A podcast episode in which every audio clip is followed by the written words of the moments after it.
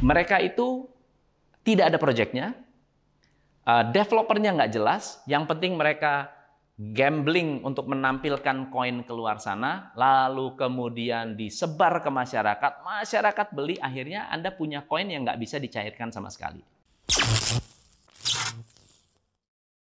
Teman-teman, cryptocurrency itu adalah tempat yang sangat-sangat nyaman untuk Anda berinvestasi atau trading. Karena harga naik turunnya cepat, berbeda dengan saham ataupun dengan option. Tetapi teman-teman, hari ini kita menemukan begitu banyak oportunis yang ingin mengambil uang Anda masuk ke kantong mereka dengan kebohongan-kebohongan yang tidak bisa dipertanggungjawabkan. Kalau dulu orang mau membuka usaha dengan menggalang dana masyarakat, syaratnya itu banyak banget. Syaratnya banyak banget. Anda harus menjadi sebuah institusi yang diresmikan pemerintah. Bisa berupa bank, koperasi, eh, BPR, atau kalau Anda adalah private company, Anda bisa membuat perusahaan Anda menjadi publik, yaitu IPO. Untuk menjadi perusahaan IPO, Anda bisa mendapatkan dana masyarakat, Anda bisa dapat uang dari masyarakat untuk pengembangan bisnis Anda, untuk bayar utang-utang Anda, untuk membuat bisnis Anda bertumbuh luar biasa. Tetapi persyaratan untuk menjadi perusahaan publik sangat-sangat rumit.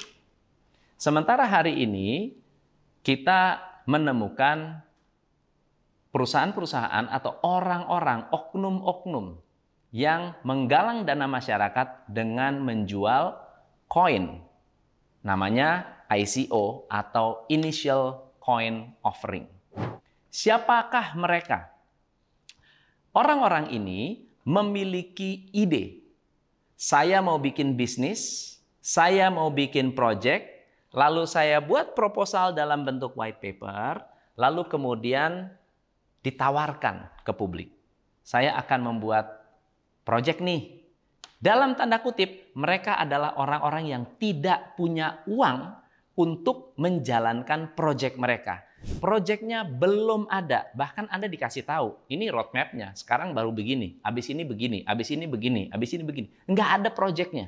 Lalu ditawarkan ke Anda dengan mengatakan bahwa project ini akan janjinya begini, janjinya begini, janjinya begini.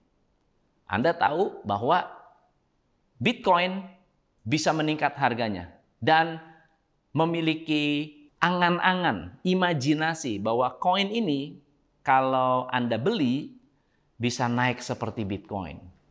Tapi pada kenyataannya teman-teman, 99% coin offering itu scam.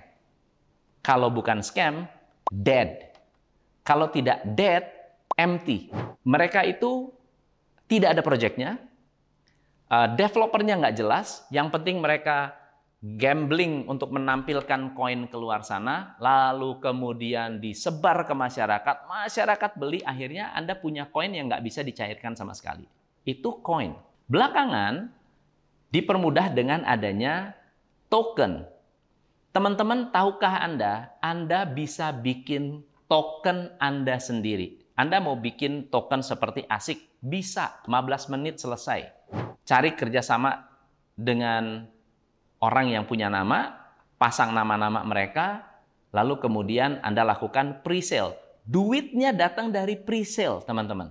Anda punya satu triliun koin, dihargai katakan 5 ribu rupiah. Laku misalnya satu miliar koin, satu triliun koin. Anda jual satu miliar koin itu dapat berapa tuh? 5 ribu perak dikali misalnya satu miliar koin. Anda sudah dapat luar biasa besar. Luar biasa besar. Dan uang yang sudah masuk ke developer, kan saya punya koin, saya jual ke Anda. Harga berapa? 5.000 perak misalnya. Katakan 5.000 perak ya. Atau 100 perak, 100 rupiah, atau bahkan 1 rupiah. Bahkan 1 rupiah. 1 rupiah dikali 1 triliun, udah 1 triliun teman-teman. Sudah 1 triliun. Diberikan kepada Anda, koinnya masuk ke saya, lalu uangnya saya pakai untuk menjalankan proyek. Tapi yang jadi masalah adalah banyak orang yang mengatakan saya mau membuat project A, project B, project D, tapi nggak punya keahlian, cuma bisa janji, cuma bisa menyampaikan uh, apa angan-angan begitu. Akhirnya koinnya keluar, presale-nya naik, lalu kemudian harganya turun dan nggak bisa naik-naik lagi. Kalaupun naik, mereka melakukan skema namanya pump and dump. Skema pompa pump and dump. Jadi promosiin, ayo beli, beli, beli, beli, beli, nah, nah, nah, nah, nah, nah, nah, lalu dibanting harganya. Nanti dipromosiin lagi, ayo beli, beli, beli, beli, beli, nanti dibanting. Anda bisa lihat nanti kurva grafik dari koinnya atau tokennya itu naik turun, naik lagi turun. Ini adalah skema orang yang tidak bertanggung jawab. Teman-teman, jangan membeli koin yang Anda tidak tahu backgroundnya, kecuali memang Anda ingin melakukan spekulasi. Jangan membeli koin, token, cryptocurrency, investasi, saham, trading yang Anda tidak mengerti. Jangan karena semua orang lagi ngomongin metaverse, berarti metaverse menguntungkan. Jangan karena orang bicara NFT, berarti kalau Anda invest di NFT marketplace, Anda akan mendapatkan keuntungan. Itu belum tentu. Apalagi kalau uangnya adalah uang panas. Apalagi kalau uangnya yang Anda pakai adalah uang yang harus Anda eh, gunakan untuk makan, untuk sekolah, untuk bayar hutang. Hati-hati teman-teman. Saya membuat video ini tidak bertujuan untuk eh, menghalangi Anda berinvestasi, tetapi membuat Anda menyadari bahwa gini, mana lebih baik? uang di tangan Anda atau uang di tangan saya? Kan gitu ya. Lebih baik uang di tangan saya atau uang di tangan sendiri. Kenapa? Karena kalau di tangan sendiri dalam kendali. Begitu Anda investasi dan Anda berdoa, berharap bahwa koin token akan naik. Sementara Anda tahu banget orang ini tidak punya pengalaman. Maka Anda sebenarnya bukan sedang berinvestasi, tapi sedang berjudi. Semoga apa yang ingin saya sampaikan ini tersampaikan dengan baik. Jadilah orang yang bijak dalam memilih investasi. Jangan sampai menjadi korban binary trading, korban uh, pre-sale token yang bodong, pre-sale token yang cuma janji-janji doang ternyata harganya jatuh.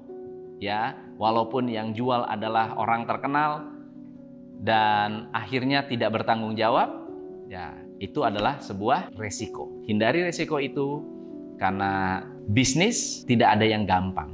Semua bisnis tidak mudah. Jadi bijak-bijaklah menggunakan uang Anda untuk berinvestasi. Saya Tom MC Ifle, salam pencerahan.